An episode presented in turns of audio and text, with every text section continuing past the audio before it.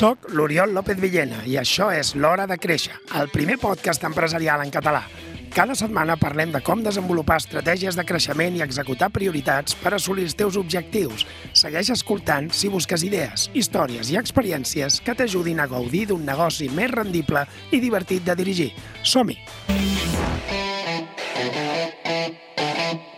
Benvinguts a l'Hora de Créixer, un nou episodi d'aquesta sisena temporada dedicada als diners, sisena temporada on avui estrenem eh, una entrevista.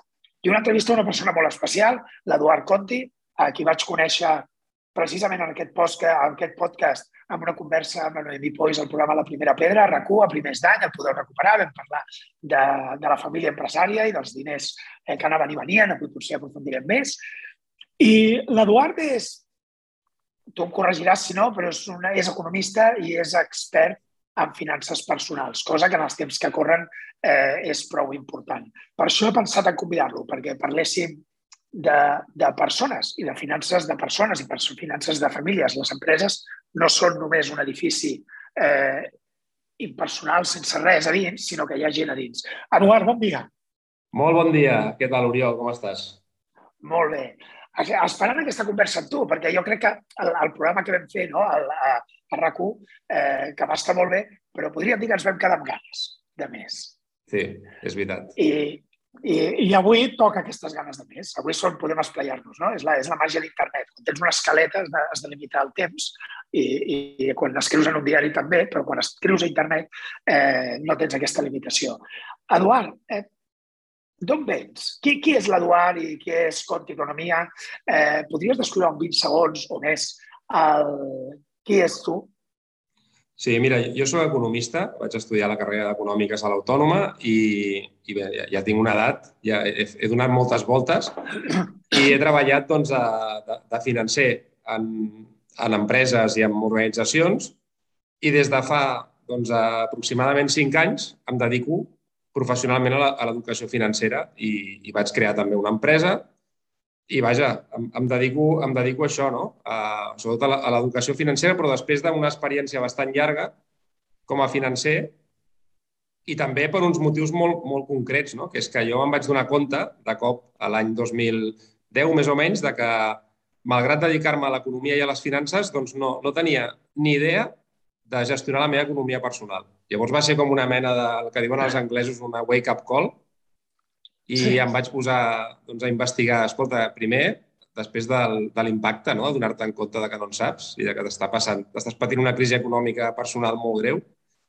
començar a trobar solucions i a través de començar a buscar les solucions em vaig donar compte que hi havia una mancança enorme de, de coneixement d'educació de, de, financera, vaja, en el nostre país.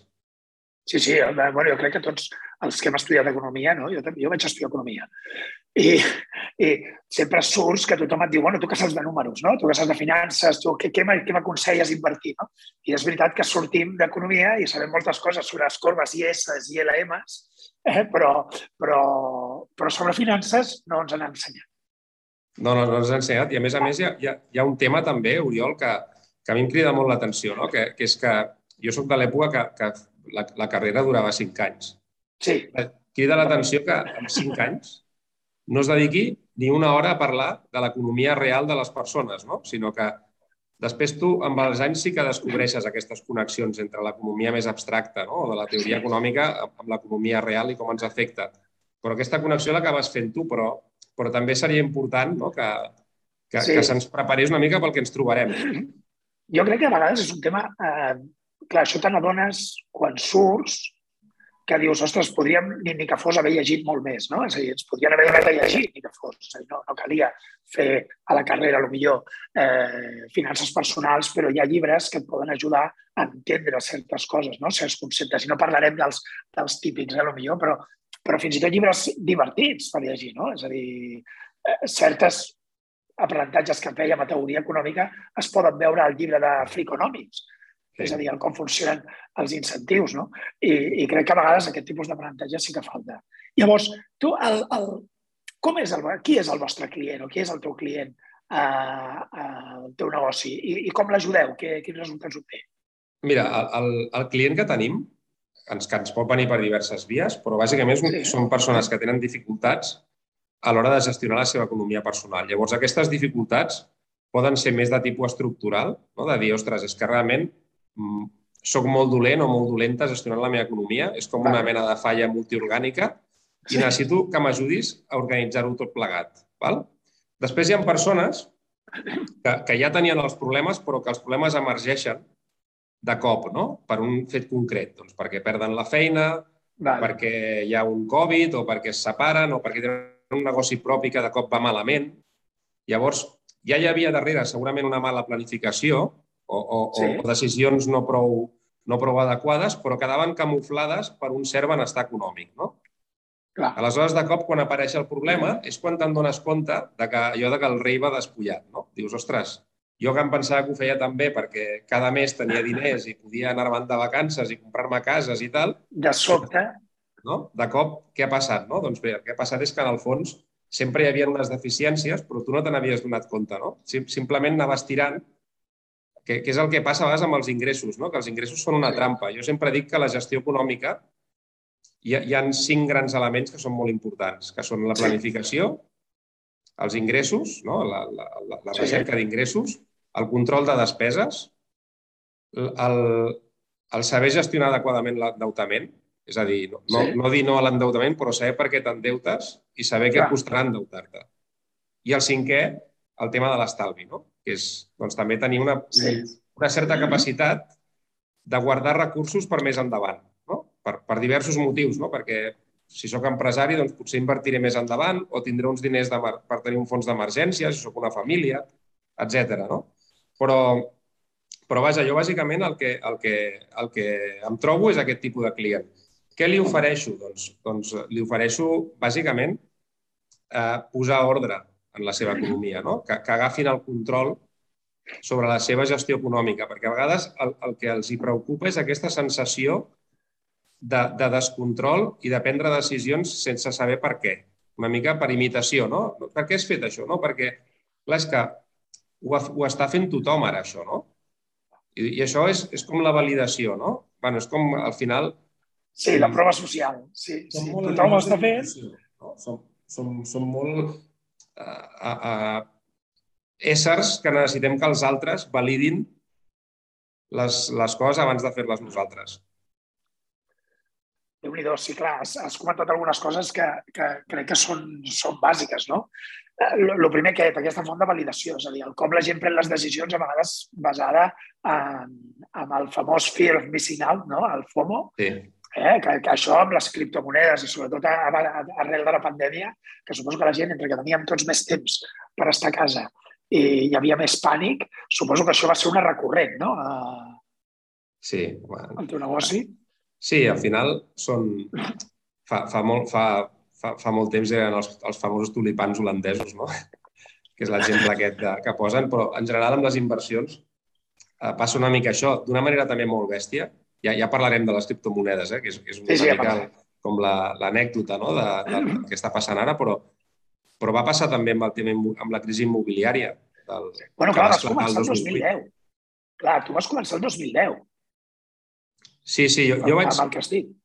Clar, o sigui, jo, jo, vaig, jo vaig ser un dels que va comprar un pis el 2007-2008. Llavors, Bona. un pis eh, molt car, no? i que, a més a més, el banc no, no va posar cap mena d'inconvenient. És més, sóc d'aquests que ha estat d'alguna forma víctima del propi desconeixement, però també d'unes pràctiques bancàries que el que feien era facilitar el crèdit i estudiar poc el risc, no? Perquè Exacte. Llavors també, eh, vaja, jo, jo assumeixo també la, la meva responsabilitat, eh, també al final, però, però també crec que, que, que els bancs en aquell moment van tenir una, una actitud que no va, no va ajudar gaire a la salut financera de moltes persones, no? Però... No, s'asseien... Sí, eh, jo sempre deia que eren dues persones assegudes eh, que voluntàriament o involuntària es mentien. És a dir, s'estaven mentint les dues. No? Una tenia una feina fixa i deia que tenia una feina fixa i grans ingressos i ensenyava nòmines i això, i l'altra li deia que jo no tenia cap risc, que no et preocupis, que pis sempre puja. No? Sí, sí. Exacte. Sí, sí, llavors va, va, el, el, en aquell moment va passar això, no? que la gent va haver-hi com aquesta bogeria de, de comprar pisos, no? I, i també és veritat que, clar, que, que, que no era, era, era d'aquelles vegades que causen una trampa sense ser-ne conscient, no? perquè clar. estava tot bastant preparat des de, des de dalt. No? Va, anem, anem a construir com bojos, anem a posar facilitats perquè la gent compri i, i després hi ha, hi ha l'efecte imitació de que tothom està comprant el, el FOMO, no? el Fear of Missing Out. Escolta, sí. jo aquí sóc un, un primo, no? si no compro alguna cosa, que també va passar... Va ser una època que va haver-hi l'endeutament per comprar pisos, però també va haver-hi un moment que va haver-hi molt també endeutament empresarial. Hi havia empreses que, que van decidir no endeutar-se i la gent pràcticament els considerava uns, uns descerebrats sí. per no endeutar-se, no? I, i deia, però, però com és que no t'endeutes? Si tu podries créixer. I, i aquell, sí, sí, sí. I va, hi va haver un cert, un tipus d'empresari de, conservador, en aquest sentit, que després sí. va riure l'últim, no? Allò que... Home, i tant. Jo tinc un client, jo te, tenia un client en aquelles èpoques que recordo que no, no havia demanat un deute mai, era un senyor d'aquest self-made man que, que havia creat l'empresa petitona des de petit, no? comprant i venent, era una distribució, i això, i a poc a poc, i no s'havia endeutat mai, tenia molt clar el cost de l'endeutament. Eh? Em deia, no, clar, perquè si Eh, jo demano un préstec o demano o faig una pòlissa de crèdit o això necessito vendre un 6% més, no? Deia. I era un senyor sense cap estudis, eh? sense, però, però tenia molt ben calculat el cost. I no es va endeutar mai. I durant aquestes èpoques que dius tu, és veritat que va comprar una nau. Tenien tant estalvi que van comprar una nau eh, vinyo, vinyo. És a dir, sense endeutament. I tothom li deia que estava boig. Però sí, què sí. fas pagant tots aquests diners si podries ara mateix endeutar-te i amb aquests diners invertir-los més a saber on? Clar, eh, qui riu últim... Sí, a vegades aquest encara hi és. no? Aquest encara hi és i altres... Sí, sí, exacte, exacte. I a més aquestes també són... El tema aquest de, en particular de l'endeutament sí que és una, un tret bastant comú que veig en persones que tenen una, una bona salut econòmica. No? I parlo inclús de persones eh, famílies vulnerables, eh, famílies amb pocs recursos, sí. però aquesta aversió a l'endeutament que tenen algunes persones que igual són qüestions o, o, o, pens, o, o, ide, o maneres de fer que han heredat de, de la manera de, de fer dels seus pares, sí. això al llarg de la vida és, és una, una bona assegurança eh, de, de salut, perquè hi ha gent molt desconfiada amb el tema de, de l'endeutament, que té molt, molt, molta precaució abans d'endeutar-se per res, i això, a la llarga, també, també pot arribar a ser molt positiu. Eh? Perquè... Bueno, són, és... Segurament deus perdre, jo sempre he pensat que segurament deus perdre oportunitats, però mm. guanyes flexibilitat, no? guanyes marge de maniobra. Eh, sí. Això és una mica el que deia, no sé si has llegit, però el llibre de Morgan Housel, aquest llibre que ha publicat ara, sí. de psicologia dels diners. Sí, sí, sí que parla d'una cosa que jo crec que és molt certa, no? Parla de les decisions racionals i les decisions raonables. Uh -huh. És a dir, endeutar-se per comprar una casa o, o tenir, si tu tens una casa i tens un, una hipoteca, no sé què en penses tu, aprofitaré per preguntar-t'ho, i tens uns diners, uh -huh. eh, lo racional, en funció normalment, seria segueixo pagant la meva hipoteca i agafo aquests diners i els inverteixo de manera que obtingui un, un tipus més alt, un guany més elevat que el tipus d'interès de la hipoteca. Però, en canvi, ell defensa el motiu pel que ell va pagar la hipoteca el primer de tot i va voler pagar tota la hipoteca. Que jo també la vaig voler pagar tota sencera. Eh? I ell diu que, clar, que una cosa és una decisió racional i l'altra cosa és una decisió raonable. O sigui, racionalment és veritat que allò té sentit però també és raonable voler viure sense el deute. Sí, sí, sí. Sí, jo crec que aquí, a tu ho has dit, no? jo crec que al, al final no hi ha normes universals. Eh? O sigui, a vegades els, els experts també fem recomanacions, però el més important és que sapiguem el, recollir aquestes recomanacions, però acabar fer, fent el que sigui més coherent amb la nostra manera de pensar. No? Aleshores, tu pots fer la reflexió, que jo a vegades la faig, de dir, escolta'm, la faig sobretot pensant, per exemple, amb, amb tota aquesta gran quantitat de persones que els últims anys s'han pogut beneficiar de contractar hipoteques a tipus fix. Jo tinc bastants clients que tenen hipoteques a l'1,5%, per exemple, no? hipoteques de 25 anys o 30 a l'1,5%, que per mi és una de les, és una, ha sigut una finestra d'oportunitat boníssima per molta gent, no? perquè Ara, veni, ara estem entrant en una època molt més turbulenta i, i ben aviat veurem els tipus d'interès més amunt. Ara, de, de fet, jo crec que anirem veient els propers mesos com van desapareixent del mercat les hipoteques a tipus fix, a tipus eh, per, fix. Sota el, per sota del 2% i, i si segueixen serà amb uns tipus molt més alts. Llavors, jo crec que sí que, segons quin tipus d'economia tinguis, segons quins flux d'ingressos tinguis, quin nivell de despeses, etc, quin nivell d'estalvi, jo crec que sí que és interessant, si estàs pagant una hipoteca amb un 1,5% i doncs no, no amortitzar-la del tot, no? O sigui, no, no, no té per què. Pots, fer, pots, pots, pots també fer altres coses amb els diners més que res, perquè a més a més també ara hi ha el factor inflació, no? que sí. amb una inflació elevada també t'interessa que els diners doncs, eh, es moguin i aconseguir rendibilitats a llarg termini, eh, també, sempre. Clar.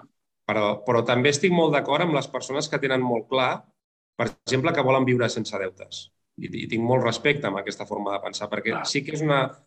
És, és, sí que potser et perds alguna oportunitat, però el que sí que saps segur és que no tindràs deutes. I això per a algunes persones Exacte. és molt important. I el que fa que algú pugui dormir, dormir tranquil per les nits, això també s'ha de valorar molt, no? No, no has de fer coses amb les que tu no et sentis còmode, perquè ho passaràs malament. O sigui, si realment ets una persona patidora que no pot tolerar, per exemple, veure, una, veure baixar una inversió un 10%, no has d'invertir en renta variable. No, no cal. O sigui, si realment ho has de passar tan malament, no ho facis. Eh, l'altra sí, cosa és que tu aprenguis no? i estudis eh, i al final tu mateix et convencis a través del que has après de que va, veig que val la pena i, i m'entreno per poder tolerar aquest tipus de pèrdues no? ocasionals. Ara, si no és el cas, no ho facis que una mica seria afegir en aquells cinc punts que has dit, no? de planificació, ingressos, despeses, deute i estalvi, un que una mica els engloba tot, no? com en una empresa existeixen aquests valors i aquest eh, de l'empresa. Eh, tu has comentat en un altre moment que has dit creences, no? És a dir, fins a sí. quin punt tu, tota aquesta planificació, aquests ingressos, aquestes despeses, dependran del, del, dels teus valors, i en aquest cas els teus sí. valors financers, que no crec que ningú se'ls hagi plantejat mai, però que segurament deuen ser molt importants. Sí, totalment. De fet, hi ha una qüestió que, és, que seria el sisè element que, que tu dius. Per mi sí. és la... I, i tu ja l'has enumerat, no? parlant del llibre del Hausel, que per cert és un, és un llibre molt interessant. Sí, sí però és, és la qüestió del, de, del comportament econòmic o de la psicologia econòmica. Eh? O sigui, la, la part aquesta més, més de, de, de comportament, de, de decisió, sí. de per què prenem les decisions que prenem, que, que, que sempre és una qüestió que respon a una sèrie de factors entre, la, entre els quals està la nostra manera de ser, les nostres creences, les nostres experiències, tot mm-hmm. això configura una actitud eh, i, una, i una manera de fer. Doncs això també és molt important. És una qüestió transversal que ho afecta tot i, i que és important tenir-la en compte. No? No, no, això no és una ciència exacta. Això de la, ni, ni, ni ho és l'economia, l'economia personal, diguéssim, no ho és tampoc, ja ho saps, la, la gestió de les empreses. No, no, no és una... Però igual, no, clar. Sempre aleshores... hi haurà algú que et vengui un curs, que vulgui vendre un curs sí. d'aquests miraculosos on et dirà que sí que és una ciència exacta, però sabem, jo crec que qualsevol que hi pensi una miqueta, no, no cal saber-ne gaire, eh, veurà que no és una ciència exacta mai. No, no, en absolut. I per, per, això, per això és tan important eh, doncs saber, saber d'alguna forma qui som. Eh? Jo a vegades en, en els processos de treball que fem amb, amb, els, amb els clients, amb les persones que, que reben programes d'educació financera que, que impartim nosaltres, sí. eh, al final el, el que busquem i el, i el que aconsegueix el, el, el client, bàsicament, és una sensació, com deia, de, de major control de, sí. Ara ja sé més per què faig les coses. I això també els hi proporciona una major tranquil·litat, que és allò que es coneix com la tranquil·litat econòmica financera, que no vol dir que estiguis objectivament millor. És a dir, tu passes aquest procés d'agafar un major control sobre la teva economia, no vol dir que quan ja tens aquest major control, automàticament, per art de màgia, tot em va molt bé. Però ah, tu saps, és, és com un punt de partida. Tu, a partir d'aquest moment, ja saps més per què fas les coses. Inclús seràs conscient de quan et pots estar a, a punt d'equivocar, no? I potser frenes a temps, no? Sí. Perquè llavors potser passes per la botiga d'electrodomèstics i en lloc de preguntar, escolta, i aquesta tele, si la compro terminis, ja directament diràs, no, no, que aquí el que m'interessa amb, amb, amb un, un objecte com aquest, una tele, una Smart sí. TV, és esperar-me uns mesos i comprar-la sense endeutar-me, no? Però, però el que sí, busquem sí. és, és, és això, que, que hi hagi com un canvi interior que modifiqui el comportament i que doni més base a la presa de decisions. Bueno, que sàpigues, que sàpigues realment on estàs. És a dir, jo crec Clar. que el control, tu ho has dit, no?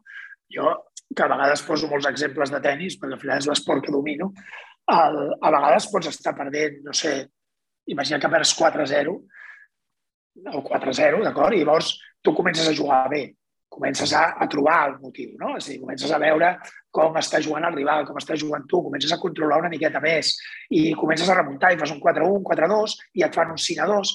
Però, clar, la situació amb un 6-2 que acabis amb el 4-0 anterior no és la mateixa. Són quatre jocs de diferència, però no és la mateixa. Amb el 4-0 estaves perdut, no sabies res. Amb el 6-2 has acabat 6-2. D'acord? Però has fet ja dos jocs, has estat capaç de veure per què fallaves, has vist que els jocs que t'ha guanyat ell ja has quedat un empat, no? És com els parcials. Has fet 0-4 inicialment i 2-2 al segon parcial, per tant vas millor, tot i que encara vas perdent. I jo crec que això en finances també és molt important tenir-ho en compte, és a dir, el saber quan les coses les estàs fent bé però els resultats encara no els estàs obtenint. Exacte. Sí, sí, totalment. A part, és una bona que... metàfora. És una bona metàfora de, bueno, de, tenis. Jo l'utilitzo bastant amb els meus fills quan juguen a tenis. És dir, no us poseu nerviosos si aneu, o sigui, si veieu que heu perdut un set, però al final del set l'havíeu fet bé, no? I al revés, poseu-vos, preocupeu-vos si heu passat el contrari perquè llavors vol dir que us estan remuntant.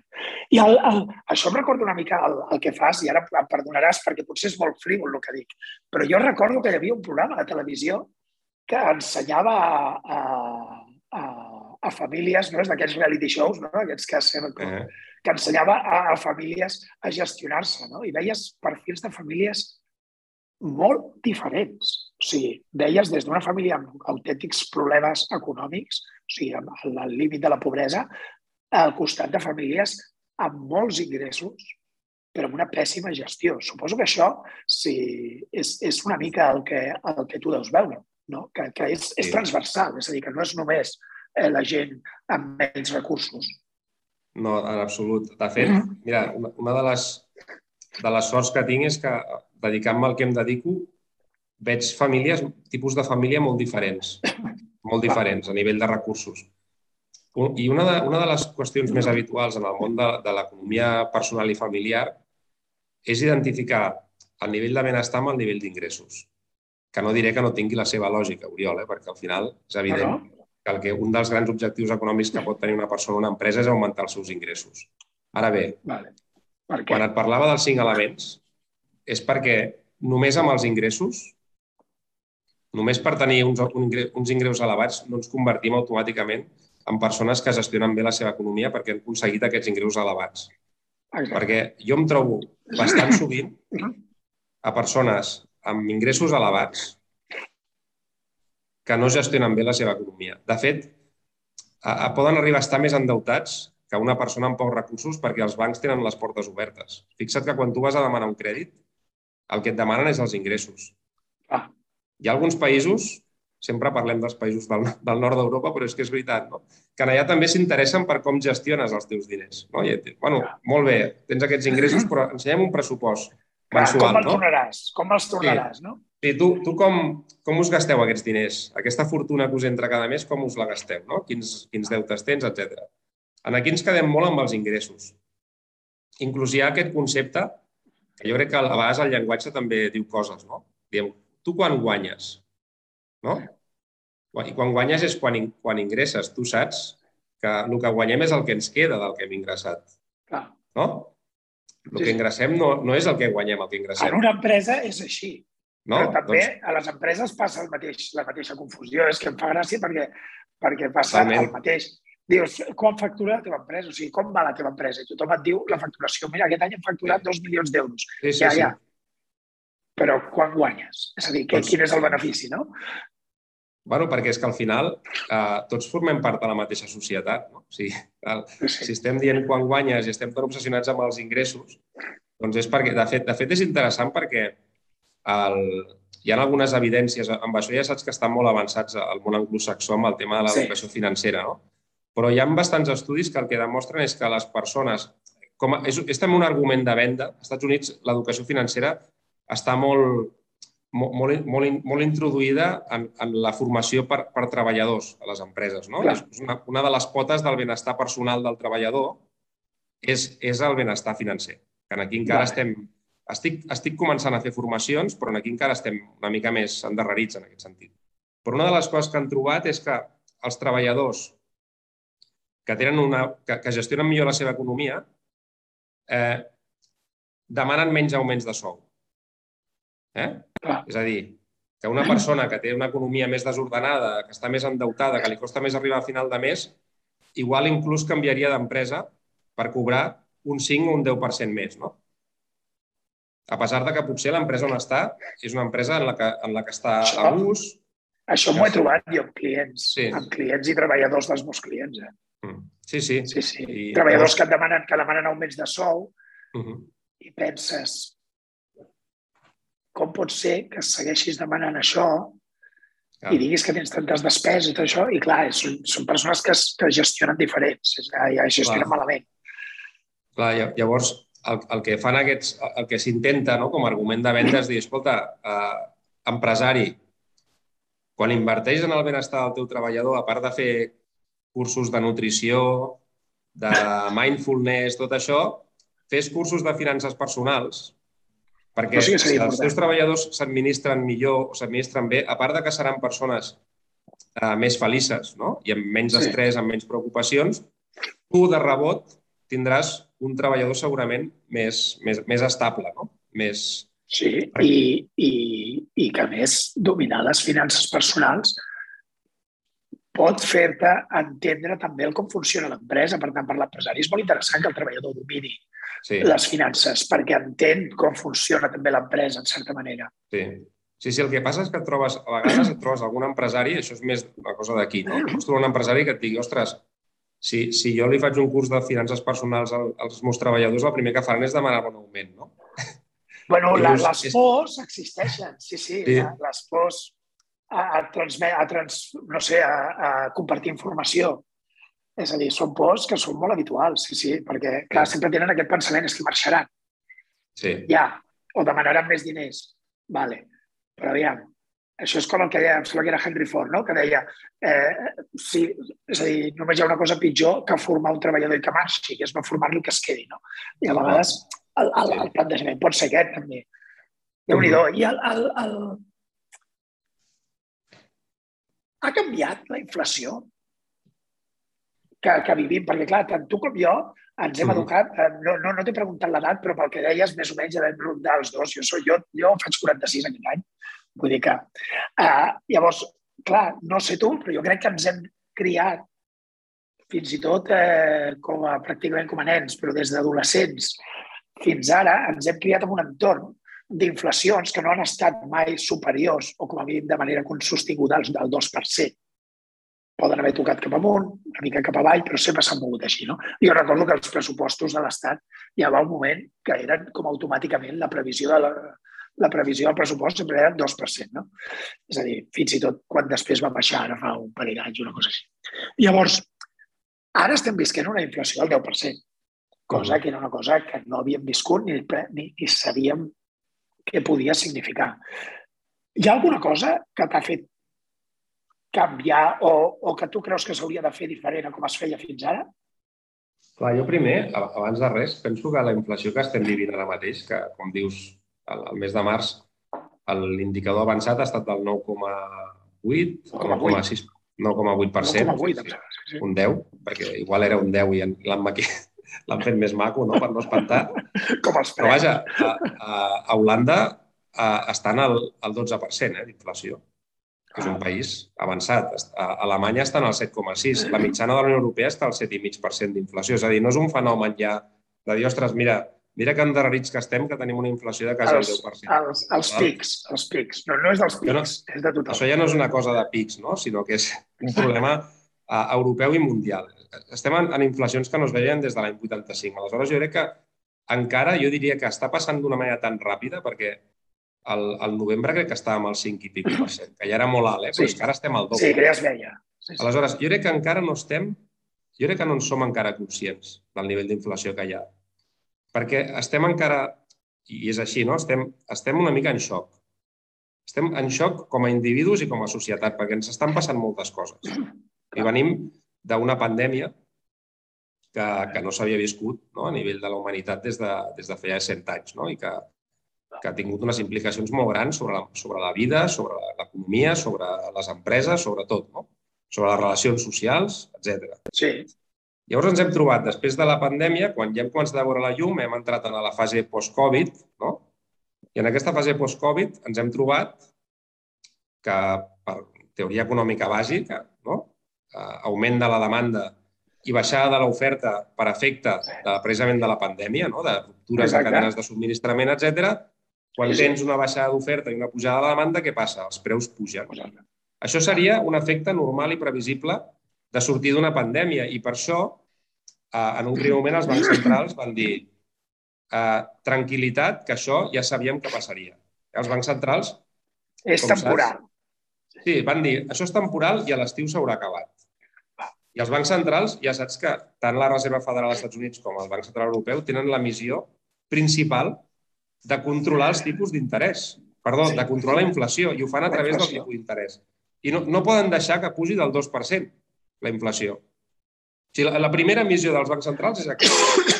I ara estan sí. tolerant aquests nivells d'inflació, o van dir que els tolerarien, precisament perquè tenien que deixar-li temps a l'economia per estabilitzar-se ella mateixa i perquè es anés recuperant l'oferta i perquè la demanda també es anés estabilitzant i així. Però què ha passat? Que de cop ens hem trobat també la crisi d'Ucraïna. No? Que la, la, la crisi d'Ucraïna no ha sortit tampoc del no-res, perquè, a més a més, darrere de tota aquesta, aquesta fase post-Covid, jo crec que també estem vivint com un canvi d'ordre mundial. Eh? També sí. hi ha unes corrents de fons que, sí, que també estan, estan posant en dubte també el procés de globalització, no? I que també bueno, sí té, té un impacte, no? Sí, jo recordo el, el, vamos, és una previsió que a més en aquest programa l'he fet molt sovint i és que jo crec que la tendència és a menys globalització. És a dir, per, jo no, no entraré ara en, en, en, en, judicis sobre això, eh? però que anem a una etapa de menys globalització jo crec que comença a ser una cosa bastant ja evident. En blocs. Sí, sí. Uh, jo, en dic, jo en dic mini-globalitzacions, no? globalitzacions dins de blocs però, però menys globalització, sí, sí, això també afecta, clar. Totalment. I després que també estem vivint un procés molt important, que és el, el, tota la qüestió, tot aquest, aquest, aquest, aquest gran problema que tenim com a humanitat, que és el canvi climàtic, no? que el que està comportant també és una transició energètica cap a energies renovables. També s'ha desatès la, la producció, per exemple, de petroli, amb la qual ara s'està tirant de reserves perquè s'havia frenat molt la inversió en explotacions petroleres. Llavors, això també fa que s'encareixi el petroli. Tot plegat és com una mena de còctel molt bèstia que, que ha fet que ens trobéssim aquesta inflació. Jo Llavors, hi afegiria un factor, sí. que no sé si sí. tu el, el comparteixes o no, però tu que vas començar el 2010. Clar, jo el 2010 podríem dir, no em, jo no em cansava no, de dir aquí això, de dir, ostres, el que molts, segurament, eh, els liberals pensàvem, no? És a dir, tots aquests diners que s'estan imprimint, tard o d'hora han d'afectar. I jo va arribar un moment, ara fa un any i pico, que vaig acabar pensant, amb la pandèmia que es van seguir imprimint, s'han imprès més diners que els havien imprès mai. Vaig pensar, Oriol, potser estaves equivocat. O sigui, jo vaig arribar a pensar, i 10 anys després dic, potser estaves equivocat D'acord? Perquè, perquè és veritat que sembla que els diners impresos s'han anat absorbint. No, no, no, exacte, no sé exactament com, perquè eh, ho vaig estudiar, però no, no acabo d'entendre, d'acord?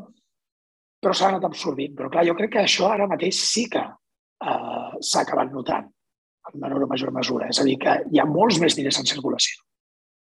Sí, sí, hi ha molts diners en circulació i també és veritat que això està inclús accelerant la desigualtat no? perquè, perquè els diners estan canviant de mans molt ràpid i estan anant a, a poques mans. Eh? O sigui, no, no està ah. havent-hi una redistribució de la renta, sinó que tot el contrari, no? s'està accelerant un procés d'acumulació de rentes. No? És com una fase de, molt salvatge del capitalisme, eh? una mica. Clar. I, I, i, amb estem... un còctel, I amb un còctel mm. com aquest, mm. com a família, què fas? Com a família, eh, guanya més importància que mai abans la capacitat de gestionar bé la teva economia. I et poso dos exemples concrets. No? Ah, o sigui, ara mateix, exemples. ara mateix uh, una de les qüestions que ens anirem trobant, que ens anirem trobant, tot i que no serà tan ràpid com podria ser, és que les persones que viuen en lloguer cada cop són més, se'ls hi pot pujar el lloguer al nivell de la inflació. La majoria de contractes de lloguer estan referenciats a l'IPC. O sigui, tenen clàusules que el que diuen és Sí, quan sí. arribi la renovació del contracte, la renovació anual del contracte o, o la revisió anual del contracte, s'actualitzaran els preus en base a l'últim IPC publicat el mes anterior, per exemple. Això vol dir que un contracte de lloguer del, que es renovi, que, que compleixi un any ara. mes de maig, doncs se li podria aplicar un augment del 10%. Del 10% eh? I seria legal, eh, diguéssim. Què passa? Que això a la pràctica no està passant del tot, perquè el que fa la persona que, el, el llogater, no? és parlar amb el propietari i dir-li, escolta, jo no et puc pagar un 10% més. I No, tu ja saps més, també que no és raonable i que, a més a més, el mercat immobiliari no va per aquí, que si, si m'apretes molt, eh, jo marxaré en buscar un altre pis. I al propietari perdre un bon inquilí no li interessa, un poc, no? Aleshores, a la pràctica, s'estan trobant aquest tipus d'acords, però a, a, la, a mig termini està clar que els preus acabaran, acabaran pujant també els preus de la vivenda. Llavors, què està passant? Que els preus de la vivenda pugen, que els preus de l'energia pugen. Això ens afecta, doncs, els subministraments sí que tu no pots, com amb el llogater, que pots trucar a la companyia i dir-li, escolta, No, aquí eh, no. fem una cosa, mira, no em va bé ara pagar-te tant, vaig a pagar-te menys. No, no. És que és, això sí que La és factura binari. de 300 euros de gas Sí. no te la puc pagar ara, te la pagaré més endavant. no? Exacte. No, mira, fem una cosa, anem a buscar un punt intermig, però i, Sí. i, negocieu amb cada un dels, dels clients eh, de, de la companyia del gas. No, no, Clar. això no passa, ja ho saps. Llavors, què estem pagant? Doncs estem pagant més de la llum, estem pagant més del gas, etc etc. Paguem més gasolina, no? Sí. Tot això són, són despeses reals. Llavors, estem gastant més en tot, estem gastant molt més en alimentació, que també és una de les principals partides de despesa de les famílies. I, en canvi, quan anem als ingressos, què està passant amb els salaris? Que de moment encara no s'han tocat. en, la, la inflació el que fa és que ens fa perdre poder adquisitiu, perquè els diners valen menys. No? Tenim menys poder de compra quan hi ha inflació. Aleshores, és Sí, sí, raonable llavors- que... Sí, perdó, sí. Sí, sí, que, que al sí, final... clar. Clar, al, al final el que, el que el, el, per, per compensar aquest poder, aquesta pèrdua de poder de compra, per sentit comú diries, doncs, doncs escolta, si hi ha una inflació del 10%, a mi m'han de pujar el salari un 10%, així seré igual de ric que era abans, no? Això és l'espiral inflacionista aquella que, Sí, que, que ens explicava, no? Eh? exacte, és l'espiral inflacionista, però clar, a més a més això no està passant. Primer perquè legalment no té per què ser així. No, no estan tots els salaris referenciats a un conveni específic, sinó que moltes vegades, ja ho saps, vull dir, la majoria de, de, de... Em sembla que la mitjana a Espanya ha estat entre l'1 i el 2% d'augments aquest any 2022. Sí, perquè antigament, antigament sí que fa uns anys sí que molts convenis Uh -huh. anaven, tenien revisions salarials i tenien revisions salarials basades en la inflació i llavors deien, doncs has de pujar un 0,75, me- una- la inflació més un 0,75 o el que fos, però ja fa uns anys que això es va començar a treure. Ah. En canvi, les pensions no. Sí, no, el, el, el govern espanyol, clar, el, va prendre una sèrie de decisions al novembre-desembre que van ser augmentar les pensions contributives un 2,5%, les no contributives un 3%, també els salaris dels funcionaris van, els van pujar un 2%, però ara s'ha vist, no, amb, la, amb la inflació que tenim, que són pujades insuficients no? per, per mantenir el poder adquisitiu de les persones. I, I això, clar, això té un impacte gran. Al, al final, on vull anar a parar és que la major part de la societat en aquests moments té uns ingressos molt similars als que tenia fa un any Sí, i, en canvi, les despeses han pujat més. Perquè aquest tipus d'inflació està afectant a tothom. sí. Eh, per tant, la capacitat que una família tingui de gestionar bé la seva economia, és a dir, de no arribar derrapant a final de mes, de tenir un fons d'emergència, de tenir també estalvis, de no estar massa endeutada, etc etc. tot això ja, ja ho vam veure amb el Covid. No? Tu ho vas veure amb empreses. Sí. Empreses Sí. que van tenir més capacitat de resi més resiliència no? davant del Covid Sí. perquè ja no anaven tant al límit. No? Doncs a les I famílies és fins i el tot mateix. Clar, algunes fins i tot tenien aquest component eh, que el Nassim Taleb diu antifragilitat, és a dir, el fet de trobar-se amb estalvis, en, en una situació amb estalvis suficients com per afrontar eh, la pandèmia, les va situar eh, fins i tot en creixement. És a dir, jo vaig veure alguns, eh, algunes empreses que, clar, aquell estalvi van poder mantenir gent en un moment donat, que això representava una despesa, però mantenir gent a la qual van posar a treballar. Per exemple, jo recordo un cas d'una clienta meva eh, que va posar tot l'equip a treballar en innovació, de manera que quan es va començar a obrir tot van aparèixer noves maneres de plantejar, de pensar, de plantejar, posar-se davant del mercat i de posar el seu producte davant del mercat. Altres empreses que van permetre, els va permetre comprar empreses que estaven de caiguda. Per tant, fins i tot aquest punt d'estalvi, jo sempre dic, familiarment i empresarialment, eh, sembla una mala idea, en teoria, racionalment, perquè, clar, què fas amb tants calés? Que vols ser el més ric del cementiri, no? Aquestes típiques frases, però després eh, permeten un, un, un, ja no només resiliència, sinó en molts casos un salt endavant. Totalment. El que passa, aquí tenim un problema que està molt ben explicat. Hi ha, hi ha un concepte que potser coneixes, que és el, la, la llei de Parkinson, no? és, que és molt interessant. Explica-la, explica-la. El, el que ve a explicar, això és una, una, una obra d'un anglès que el, que el que venia a explicar no, no explicava tant. No era un tema de diners, però després va haver una derivada de diners. Ell, ell el que explicava era que les persones, i a més jo crec que podem estar tots bastant d'acord, consumim tot el temps del qual disposem per fer una tasca concreta. És a dir, si tu, això tots ho hem viscut quan érem estudiants també, no? ens posen un treball per d'aquí dues setmanes, doncs eh, no, no l'acabarem demà, el treball. Les, tas que... les tasques són flexibles, les tasques són dúctils i adaptables al temps. Sí, sí i nosaltres consumim tot el temps del que disposem per fer alguna cosa. Si tu em dones dues setmanes, jo consumiré les dues setmanes. És veritat que faré un sprint final, però consumiré les dues setmanes i puc arribar a pensar que necessito aquestes dues setmanes, però segurament en dos o tres dies o en una setmana ho hagués pogut fer. I amb els diners passa el mateix. Els humans tenim tendència a consumir tots els diners dels quals disposem. És allò de que ens cremen els diners, és tal qual. Sí. I això ho veus a nivell de, de família i ho veus també a nivell d'empresa, bastant, no? Que dir, ostres, eh, és, és allò tan, tan, tan típic, no? De que de cop una persona es troba amb una entrada de diners gran i de seguida té com una mena d'urgència en gastar-se els diners.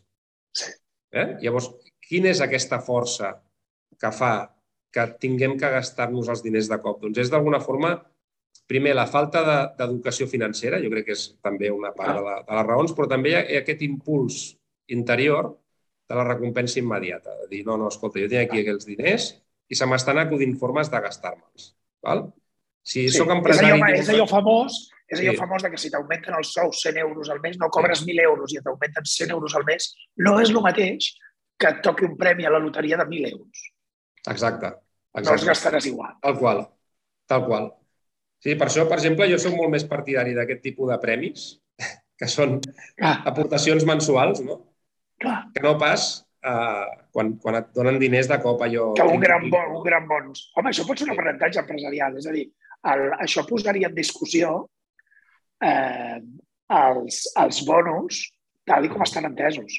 És a dir, els bonos a les empreses estan entesos a, a nivell moltes vegades trimestral i molt sovint anual. Eh, per tant, a nivell de finances personals, segurament eh, això podria ser bastant discutible. Completament. Jo, de fet, discuteixo molt la paga doble. O sigui, a mi em sembla que, que, em sembla que la paga doble és, eh, té uns efectes negatius sobre, sobre sí. l'estalvi, perquè sí. al final, el que, fixa't que a la paga doble, que és també una... La paga doble se la va inventar el Franco, la paga doble. Sí, va celebrar el 18 de julio. Exacte. Després va ser, es va, es va moure el mes de juny perquè això és de, dels anys 70, això. Sí, sí. Per, per fer-ho coincidir amb el, sant de, amb el sant del rei, Joan Carles. Ah. I, i, i la veritat és que dins d'Europa és una raresa la paga doble. Ja a Portugal Exacte. hi ha una paga d'estiu. Crec que a Holanda també hi ha alguna paga d'aquestes extraordinàries, però és, és poc habitual. La, la, la, al final, el problema per mi de la paga doble és que tu associes la paga doble a la despesa. En el cas de la paga doble d'estiu, doncs amb això em pago les vacances. Les vacances. I la paga doble de Nadal, amb això paguem els regals i les festes. Després dius, ostres, com és que Espanya és el país que més gasta al Nadal amb regals, amb festes, amb menjars, tot això, doncs, home, igual hi ha alguna relació aquí, una correlació entre la paga doble també, no? Perquè és curiós... Potser aquesta com... correlació, potser aquesta correlació sí que indica causalitat, no? Sí. Llavors, jo, jo una, una recomanació que faig moltes vegades és si una persona té una paga doble i té l'opció de demanar que li paguin tot en 12 mesos, jo li dic, el primer que has de fer és això. I perquè a partir d'aquest moment, no? jo sóc molt partidari d'això perquè et pujarà, et pujarà l'ingrés mensual. Sí, Eduard, té tota la lògica del món. El problema és que oh. jo el que m'he trobat, i ara parlaré des del vessant empresa, no? És a dir, tu veus països com el Regne Unit, on es paguen fins i tot sous setmanals, sí. d'acord? Ja, ja no és ni paga doble, setmanalment, no? Que, de fet, per al treballador seria el més lògic perquè els diners seus, els diners que ell ha guanyat, que ell ha generat, li tornen ràpid i no els té l'empresa. No? Jo, jo com a empresari, o sigui, com, com a empresaris podem pensar, no, la paga doble ja està bé. Per què? Perquè durant un any jo vaig tenir uns calés que no són meus, però puc fer-ho jo el que vulgui més. I ja, al moment que arribi el mes de juny, ja pagaré. No? Però pel treballador, el lògic seria dir, escolta, aquests diners els vull tenir jo des del primer dia. Aquests 100 euros, aquests 200 euros, els vull tenir jo. I, però, en canvi, jo m'he trobat el cas contrari. Jo, jo m'he trobat eh, molts treballadors que no han volgut fer el canvi. És com les retencions d'IRPF i de més. És a dir, és a dir eh, costa molt trencar aquesta dinàmica perquè ells mateixos diuen no, però no m'ho gastaré. Eh, si, si no, saps què passa? Que si no m'ho gastaré no tindré diners per les vacances. I penses, ja, hòstia, potser no, no has de tenir-los. Sí, jo, jo també també m'ho he trobat, eh? I, i, i amb l'argument exacte que tu dius, que és, ostres, i com pagaré les vacances? Clar. Llavors, el, en aquí també entrem una mica amb, la, amb les rigideses mentals i la força de l'hàbit, no? O sigui, quan ens hem acostumat durant tants anys a actuar d'una manera, per molt lògic que sembli l'altre, o que ens pugui semblar a nosaltres, si l'altra persona no ho té clar, doncs li costa molt donar el pas, no? Però, però per això és tan important intentar persuadir, però al final sempre anem a parar el mateix. Si la persona no vol, no, ja no pots es pot imposar, no? Però sí que jo, jo diria que sí que pots demostrar bastant fàcilment, per exemple, eh? Tu imagina't que, que, que en una família arribes, després d'analitzar la seva economia, ells estan manifestant que volen estalviar i que els està costant molt i al final doncs, els convences de que poden estalviar un 10% dels seus ingressos cada mes. Clar, la paga doble aquí desestabilitza moltíssim. O sigui, dificulta molt el fet d'estalviar. No? En canvi, si, si cada mes pots, pots fer més maniobres d'aquestes. Dir, doncs, escolta, aquest 10% sí que el podem estalviar i, a més a més, també anem a dedicar, anem a apartar cada mes un 8%, un 7 o un 5 per les sí. vacances. No? Però això clar, requereix lluitar contra el que hem fet sempre. No? És una de les lluites més difícils. No? Quan ens acostumem a alguna cosa, som animals de costums. Sí, tant. Costa molt, eh? I costa lluitar contra el que hem fet sempre, no? I tu, hi ha alguna cosa, amb tot el que hem viscut en els darrers temps, eh, alguna cosa que ara faries diferent de com ho faria, de com ho feies fa tres anys, o que penses diferent de com pensaves fa tres anys?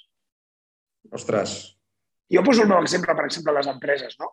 Eh, jo sempre havia pensat que poc, poc estoc. No? Jo sempre deia, s'ha de tenir poc estoc, perquè l'estoc eh, el que al final és, són diners que té el proveïdor però no els tens tu. Tu tens ja un magatzem ple però jo no són diners i vos tens menys calés, no? Eh, però jo, la, la vivència actual m'ha fet veure que tenia un estoc, passar del just in time famós a un just in case, eh?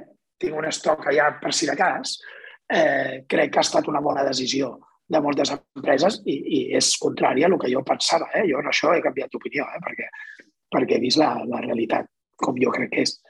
Eh, tu hi ha alguna cosa que has canviat la manera de veure? Home, jo, jo crec que una cosa, potser, potser et respondré, fer una resposta potser una mica abstracta, eh? però perquè és un concepte potser una mica abstracte. O sigui, jo, jo el que sí que penso és que tot el que està passant els últims anys, tot, començant pel Covid, sí. però inclús la situació ara geopolítica mundial, el que ens fa veure és que estem en un món molt canviant. Si afegim a més a més la capa climàtica ja, ja, ja molt més clar, no? Aleshores, que estiguem en un entorn tan canviant, jo crec que també d'alguna forma té unes conseqüències en la manera de, de fer, no? en la manera de planificar, en la manera de prendre decisions. I, i, I totes aquestes formes van molt en contra de la rigidesa mental. O sigui, hem de ser molt flexibles. I a la vegada hem de tenir eh, un cert rumb. Eh? O sigui, no, no, hem de fer, no hem de ser tampoc unes veletes, uns veletes, no? Hem de saber Clar. marcar un rumb, però a la vegada ser molt flexibles. És, és com una barreja potser sí. que alguns et dirien, ostres, això és una mica contradictori, però no ho és. Eh? és no, sé... perquè jo, clar, jo crec que el que dius tu encaixa bastant amb els cinc aspectes aquells que has dit abans. Mm. És a dir, tu has dit una sèrie d'aspectes que formen part d'aquesta aquest, part rígida de mm. l'equació. No? Sí. Planificació, tal, tal. Tota aquesta és la part rígida, que tu pots dir, no, a curt termini hem de planificar, ara haurem de planificar més a curt termini, perquè no sabem què passarà d'aquí un any. Mm. Hem de tenir els ingressos més controlats a curt, el deute més controlat. Però després hi ha una part de llarg que també has dit, que no, estava, no estaven aquests cinc, però les ha englobat en totes, no? que són les creences. Jo crec que la, el, el que potser has de tenir molt més clara la direcció, el, el, el, mm-hmm. el que tu busques, el, i menys... O sigui, això ho has de tenir molt clar i, molt, i aquesta part potser has de ser més rígid, el saber exactament on vols arribar, i en canvi el com hi arribes sí que ha de ser molt més flexible, molt més... Sí. I, per tant, jo no crec que sigui contradictori el que dius. No, no, no crec, crec que, que pot semblar, però no ho és gens. Es pot interpretar com però jo crec que no ho és, o sigui, perquè no. és, és important saber per què fem les coses, no? que és el que ens mou sí. també, que és el que estem oferint. O si som una empresa, doncs quin servei, quin producte, però a l'hora de saber que la manera com hem fet les coses els últims anys no, potser no ens servirà ni per l'any que ve. El que t'ha fet va arribar aquí no et farà arribar aquí. Clar. O sigui, són coses diferents. Hi ha una cosa que et trobes molt, mm. segur que tu te la trobes moltíssim quan assessores empreses, és gent com molt apagada a si mateixa, no? enamorada de la seva manera de fer. No, és que jo, jo, jo, jo, he fet això i he arribat fins aquí i tal. Ja, però és que el que tu hagis fet en el passat o, o que hagis pres una sèrie de decisions però... adequades en el passat no, no implica o no pressuposa que tu les prenguis també en el futur. Clar. No? Guanys anteriors no impliquen guanys futurs, no? És a dir, Exacte. No és així. És a dir, el, el, això el, el Marshall Goldsmith ho va explicar en un llibre que el títol mateix ja diu la, el, el missatge, no? que és el que et va el que et va portar fins aquí no et durarà fins allà. Llavors, jo això m'ho trobo bastant i sempre els dic el mateix. Dic, mira, no estaríeu aquí si no haguéssiu fet les coses bé. Sí. En el meu cas. És a dir, jo, jo no vindré aquí a discutir el que heu fet fins ara. O sigui, el que heu fet fins ara ha estat ben fet amb les circumstàncies que teníeu i us ha dut fins aquí.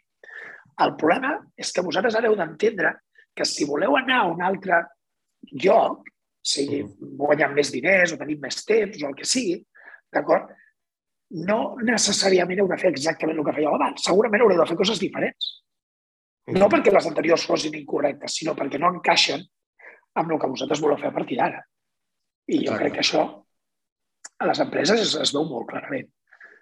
Sí, sí. Per això jo parlo molt, jo no sé tu, eh, però professionalment és curiós, eh? perquè quan comences, jo fa 20 anys no? que, que m'hi dedico i, i quan comences tens com molt clars la part aquesta més de planificació. Podríem dir, tens molt més, molt més clar el mètode. 20 anys després, o més de 20, però 20 anys després, puc dir que cada cop tinc menys clar el mètode i tinc més clars la importància de les creences, la importància dels valors en una empresa. O sigui, perquè al final el mètode pot anar canviant. Clar. Jo vaig escriure un article al principi de la pandèmia dient que no hi havia nou normal. Uh -huh. Perquè no crec que hi hagi un nou normal, perquè tampoc hi havia un antic normal. Sempre hi ha problemes. O sigui, sempre hi ha incertesa. Quan no sí. és... Tu vas començar el teu negoci el 2010. Imagina't si hi havia incertesa. Ja, totalment. I, I, Sí, sí, totalment. I a més, quan parles així una mica de, de, de valors o així, jo n'hi ha un que em sembla que és molt determinant i que marca molt la diferència, que és la perseverància. I això té molt a veure amb el, amb el rumb, el saber, saber o més o menys per què estic fent el que estic fent, cap on m'estic dirigint, encara que, sigui una, que tingui un cert aspecte de nebulosa, eh? aquest, aquest, sí. aquest, aquest, aquest objectiu, però la perseverància el que fa és que et fa molt més resistent és allò que dir, ostres, però que a vegades inclús hi ha moments del, del camí que els altres et diuen però, però escolta, què, què estàs fent? Si, si, si encara estàs amb això, però tu en el fons tens aquesta força interior, no? Jo, jo amb el tema aquest de, fer un, de, de, de tenir un negoci d'educació financera, uh, ja, ja, ja he tingut moltes etapes i també hi ha hagut les etapes de dubte, aquells moments també que, tens un entorn que... No l'entorn més immediat, que sempre eh, ha donat molt suport, però hi ha vegades que, que no entenen molt bé el que estàs fent, no? I el que sí que hi ha un moment que, que tot comença a quadrar, no? I és quan el valor aquest de la perseverància, d'haver insistit, no? De no haver insistit, per, no, no, no haver insistit perquè sí, eh? sinó haver insistit no. perquè tu també tenia, sabies que el que, el, que, que el que feies tindria un resultat. Ho sabies. Però sí, ho sabies una perquè... idea clara del que volies aconseguir.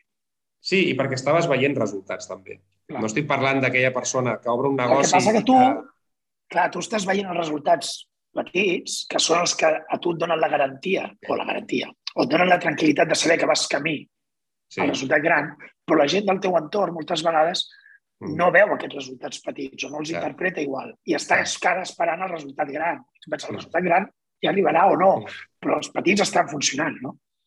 Sí. A més a més, I, hi ha una... llavors, per tu, digue'm. No, no, i que, anava a dir-te només que amb el tema aquest de la perseverança i de, i de, i de, i de fer progressar un negoci, hi ha una mica la mètrica de l'escaleta, no? que tu vas pujant els graons d'un amunt i per acabar-los pujant de 3 en 3 n'has d'haver pujat molts d'un en un i inclús algun, sí. haver fet algun pas enrere i tot això, no? Vull dir, no, no, no comences un negoci i de cop estàs fent salts de 3 en 3 o de 4 no. en 4 o pujant amb un ascensor, sinó que tot el viatge previ, el camí previ, l'has d'haver fet. Si no l'has fet abans, mm, és molt difícil arribar. De cop hi ha gent que diu, ostres, mira, que, mira aquest negoci que bé va, no? És com si hagués sortit com un bolet sí. un dia per l'altre. Però... Tu, Rai, que tens, tu, Rai, que clar, el teu negoci funciona, i això, dic, bueno, bueno sí, però tots sí. hem començat pas a pas, no? Jo, jo que vaig començar a fer webinars a l'any 2013 o 12, l'any 2013 vaig començar a fer algun webinar, que no feia webinars ningú. I a mi, quan a vegades, jo tinc un programa de mentor per professionals, i, el, i quan a vegades algú em diu, és que clar, han vingut tres persones o cinc persones al meu webinar i és molt poc, i jo els hi dic, dic, jo havia fet un webinar, recordo haver fet un webinar amb una persona. És a dir, no, no, no omples una sala perquè sí, la gent té més feina, no? I amb els diners jo crec que passa una mica el mateix, és a dir, eh, la gent no veu tots aquests resultats petits que tu has hagut, les mètriques que tu dius, no, no, no les perceben. Són, les mètriques és a poc a poc. Hem començat fent un pas, hem començat fent no sé què, i, i quan estem més amunt, doncs mirem i diem, ostres, doncs déu nhi el que he pujat. I els altres et diuen, clar, tu perquè vas molt ràpid? Jo no sé, vaig molt ràpid, pujo de 3 en 3, però pujo de 3 en 3 perquè abans he pujat molt durant un, m'he entrebancat diverses vegades, vull dir, he vist el del costat que pujava de dos en dos i he pensat, jo això també ho puc fer. A dir, he pensat moltes coses d'aquestes. I, i, I on és el teu proper... Quines són les teves prioritats, fins i tot com a negoci, en els propers temps? Hi ha alguna cosa que, que tinguis al cap que, que, que vulguis engegar o que vulguis continuar fent? A veure, jo crec que, que sí que hi ha, sempre tens moltes idees, no? També, també has d'estar, a la vegada que tens moltes idees de futur o, o, o projectes o parles amb gent o et proposen coses, has d'anar fent molt bé, has, has d'atendre molt el dia a dia, també. I això sí, també clar. treu molt temps, no? Perquè et deixa a vegades poc temps per dedicar-lo a... Estem parlant d'empreses molt petites, no? Clar. Jo tinc una empresa molt, molt petita, no? Amb, sí, clar. Amb pocs treballadors. Uh, aleshores, doncs, és difícil. Però sí que jo, jo el que el que sí que tinc com a objectiu, i llavors després tracta de donar-li forma, és, és en tenir un, un major nombre de clients. Quan parlo clients no vull dir només eh, clients petits, sinó també doncs, poden ser empreses o projectes que impliquin doncs, inversió, etc. Però sí que tinc una idea de, de, de creixement, no? De, però no creixement perquè sí. No? Al final, el, hi, hi ha aquest quadre del, del, del que és un bon negoci, no? que seria que tingui valor, no? que tingui clients o mercat, que tingui capacitat de créixer i que doni benefici. No? Doncs en aquest cas, el, el que sempre el tinc molt present, aquest, aquest quadre, perquè és un quadre molt senzill. Ja ho saps mhm. que a vegades compleixes alguns i, per exemple, pots, pots tenir marcat valor i capacitat de créixer però no tenir benefici, no? Clar, vull dir, no sempre tot s'aconsegueix i no tot s'aconsegueix a la primera. I sí. ja està. I, pot ser, I a més a més, cada vegada que emprens un camí nou, per mm. exemple, eh, dins d'un negoci, durant un temps algun d'aquests aspectes pots estar-lo pots estar sacrificant. És a dir, pots estar sacrificant benefici per fer un canvi en el teu negoci. tu ho saps, doncs perquè estàs invertint, perquè estàs fent altres coses, no? Eh, tu, eh, eh, i a nivell mediàtic, ara farem l'autopromo perquè ens podem promocionar els dos avui, eh? Sí. Uh, a nivell mediàtic tens una secció al programa La Primera Pedra, com jo, Sí. no? estem, estem junts, em sembla que estem intercalats, d'acord? Sí. Per tant, ens podeu escoltar tots els diumenges, cada, cada diumenge un dels dos, eh? i si no, els, pod- i si no a podcast. Ho vas publicant a la web, el que he anat veient, Ho vaig publicant a LinkedIn. Uh, LinkedIn. Vale, sí, tinc- jo és que ho feina. segueixo per allà. tinc, tinc més feina a fer, eh? en tema de, de xarxes i, i tal, també estratègia digital, la vaig treballar molt al principi i ara la tinc una mica desatesa. Però, però també Veus, he això pot que... ser una prioritat. Sí, això, això seria, podria ser una prioritat també, sí.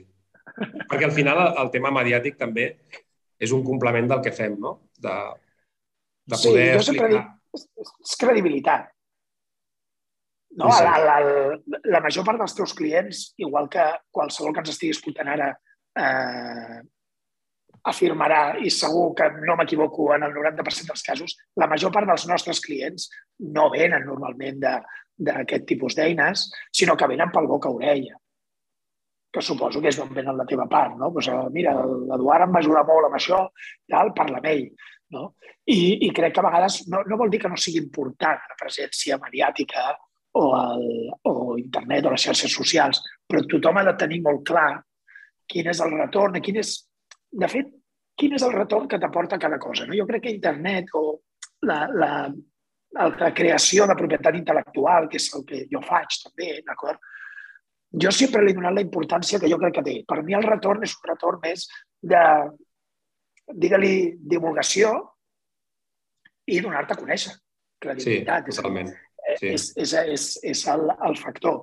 No? I això jo crec que enllaça bastant amb el, amb el tema dels, dels diners, perquè a vegades la, la gent busca en un únic retorn i els diners no deixen de ser una... una a l'anglès ho diu així, no? diu que és on benzina. És el combustible que alimenta el teu temps. No? I que al Totalment. final tu el que has, has, de, has de voler tenir molt de temps, no molts diners. Uh, els diners han d'alimentar això. I llavors, a vegades, oblidem quin és el retorn de cada cosa. En les inversions o en els diners, jo crec que també és important saber què els hi demanem. Perquè a vegades li volem demanar als diners moltes coses, no? Li demanem la felicitat als diners. I dius, clar, Sí, sí. que guanyis molt no et farà més feliç. És a dir, És demanar molt, també. Sí, no? El, el, el, el Woody Allen deia aquella frase que dius els, els, els diners no, no, no donen la felicitat, però produeixen una sensació tan i tan i tan semblant eh, que només un expert seria capaç de distingir-la. Doncs bé, l'expert ets tu. Eduard, Sí, sí, sí. ha estat un plaer eh, tenir-te a l'hora de créixer i espero repetir-ho ben aviat. Eh, espero que t'ho hagis passat bé, Fantàstic, Oriol. Et sentirem, no sé si et sentim, et diria que eh, tens sentit aquesta passada setmana, si no d'aquí dos, et sentirem sempre que vulguem a rac donant consells fantàstics i també parles bastant de, a vegades de llibres, perquè he vist que, és a dir, enllaces amb molts autors eh, que a Sí. vegades no, no tenen per què ser autors financers. Perquè he vist algun autor o alguna cosa així que no era ben bé finances. Però m'encantarà tenir-te algun dia parlant de llibres, perquè segur que és Perfecte. interessant. Vale? Sí, Encantat més n'hi ha molt, molt interessants. Igualment. Un, un plaer tenir-te aquí, Eduard. Adéu-siau. Gràcies, que vagi molt bé.